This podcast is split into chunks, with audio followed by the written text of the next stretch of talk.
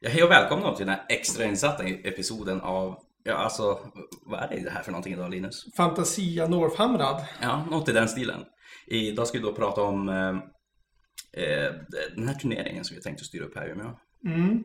Men eh, du Linus, vad, vad är det för någonting? Eh, ja, upplägget eh, är inspirerat från Jesper Mellanders turneringar som han har hållit i södra Sverige Mm. under coronatiderna som Asylum Wargaming. Ja, ni kanske såg ändå nu senast på Fnatic. Eh, han kom tvåa nu innan covid tog och ställde in våran War Fnatic. Mm. Eh, ja, men Jesper är ju en väldigt kompetitiv, kompetent spelare, men som börjat inse att spelet kanske är roligare när man tar det lite lugnt. Och han försöker som eh, göra turneringar och inspirera folk till att inte alltid vara hårdaste utan spela för att det är skoj och arrangera lite på det viset. Mm. Och eh, då under de här coronatiderna så har ju han arrangerat på ett café som jag förstått det. Som ligger som på en tågstation mittemellan olika städer. Ja, Så då kan folk ta tåget och mötas upp liksom. Och de är max typ 12 deltagare. ja. Så. ja, man får hitta sitt sätt att spela nu under covid-19.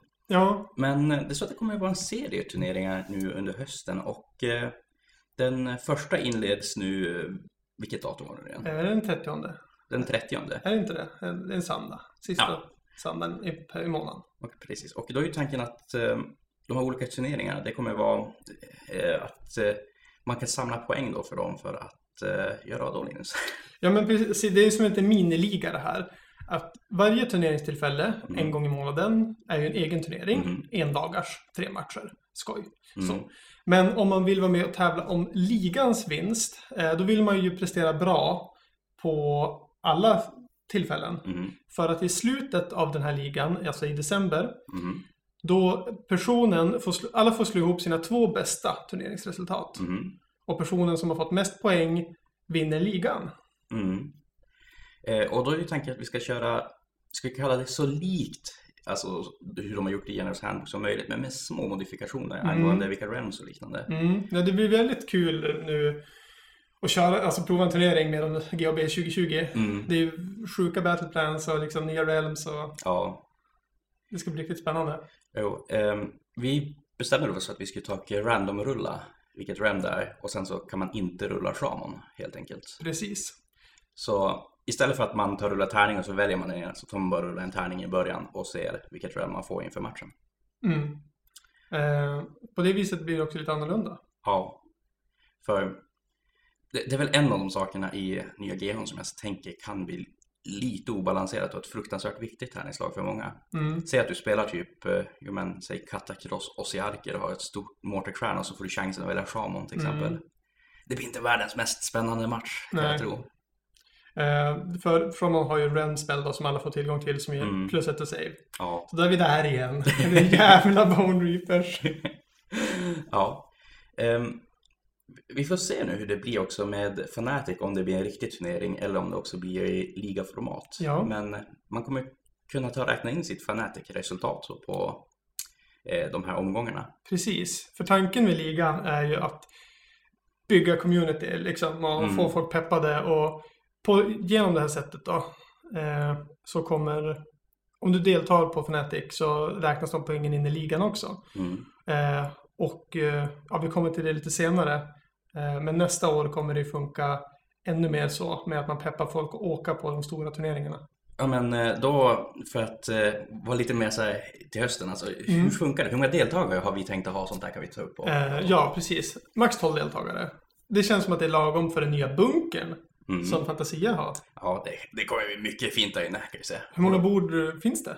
Eh, Det kommer vara två stycken permanenta spelbord. Men det kommer finnas plats för att spela typ så här, jag vet inte. En, två, tre, fyra, fem, säg bortåt. Ja, någonstans mellan 10 till 15 spelare beroende hur tätt man vill ha där Ja, inne. det är perfekt. Mm. Så att, då tänker vi att 12 är lagom. Ja, Och liksom folk får tvätta händerna jävligt noga. Och vi liksom håller distansen och man får inte komma om man är någorlunda ens sjuk. Men också det att man kan ju alltid sprida ut det mer och bara ställa upp bord Mm. ut till korridoren så att säga. Så att alla får plats att spela. så att tanken är att det ska vara en turnering som känns säker att gå på även fast man är, Mm. man vill inte bli sjuk. Nej. Eh, men 12 deltagare, eh, 125 kronors avgift. Mm. Eh, och det är för att eh, få lite fina priser. Eh, för vi kommer ha priser på de separata turneringarna. Och en eh, ligavinnarpris. Mm. Och även, vi skippar ju målarkravet. Mm. Det tror jag ändå kan vara vettigt nu. Speciellt när folk inte haft kanske den största hobbyhypen och har klarat alla sina nya projekt och man vill ändå ta, komma in och pröva någonting nytt. Ja. Efter G och B så folk brukar vara snabba på att byta arméer då också. Så Mm. nu kan man prova någon lista liksom för skojs skull. Och, och byta mellan turneringarna också. Eh, men man måste ha fullt målade baser med om man ska vinna Best Painted. för annars är Självfallet. ja. För det kommer också vara en del på Mm. varje turnering. Ja, eh, det är ju så att det är listinskick då nästa vecka. Så Mm. eh, ska man gå in på den här Facebookgruppen i Warhammer? Eller, hur Eh. vill att man ska, eller hur tycker vi att de ska vara inne? Ja, eh, det är ju några platser kvar. Jag tror fyra platser kvar. Mm. är vi 8 av 12 anmälda. Och eh, vill man vara med så gå in på U- UÅXVH. Det är ju som en... Link in the description. Ja, precis. Eh, nej, men det är som en hommage till Umeå hardcore-scenen. Att Mm. den är så stor världen över. Och jag tycker också att Warhammer-scenen är fan representativ globalt. Mm. Med våra fantastiska commission-målare och Golden Demon-målare och, och spelare liksom. Umeå Warhammer är någonting man ska vara stolt över. Definitivt. Eh, och ja, därför har vi döpt den här ligan till Umeå Warhammer. Eh, så gå in i den gruppen och där finns all information ni behöver veta till, för att kunna anmäla er och, och delta. Okej. Men eh, det är väl också att det här är lite grann en provomgång då inför nästa år när man ska Mm. som styra upp, eh, ska vi kalla SM Age of Sigma eller vad tycker vi? Ja, det är väl det närmaste man kan komma Sveriges mästerskap Mm. i Age of Sigmar. Alltså liknande grejer har ju funnits i 40K länge har jag ju förstått. Jo, Eh, jag vet inte exakt hur det funkar. Det verkar som att man går runt och jagar poäng. jo precis. Och- Det är eh, att eh, det är så här rankings man kan samla, samla så du får helt enkelt poäng för turneringar du åker på. Mm, Och sen så är det den som vinner den ligan mm. får ta utse alltså övriga medlemmar till ett ITC-lag Ja, just det. som eh, ja, de sen åker och spelar på. Men det är något jag inte alls är insatt på. Säg ITC Age of Sigma, alltså hur Ja. ser den ut nu för tiden? Ja, alltså det, vi har ju ett, eh, ett Six Nations-turneringen. Mm. Och sen finns det väl någon ETC. Något i den Euro, stilen. European... eh, European Team Championship. Ja. Jo. Och eh, det är ju... Ja, jag vet inte vem som är lagledare i år, om det ens är... Jag tror inte det är något i år. Nej. Men att... eh, Nej, men Ja, det, det är ju på frivillig basis liksom. Duktiga spelare försöker rekrytera andra Mm. duktiga spelare. Men det har ju aldrig utgått från något rankingsystem. Nej. Eh, och det, det är inte det vi försöker göra nu heller. Utan det som kommer hända nu nästa år, det här är ju som sagt Jesper Melanders hjärtebarn. Mm. Att bygga communityt över hela Sverige. Mm. Eh, det kommer vara samma upplägg nästa år. En turnering i månaden. I Umeå, som är eh, då norra regionen, heter det. Mhm. Så Umeå Warhammer står för norra regionen.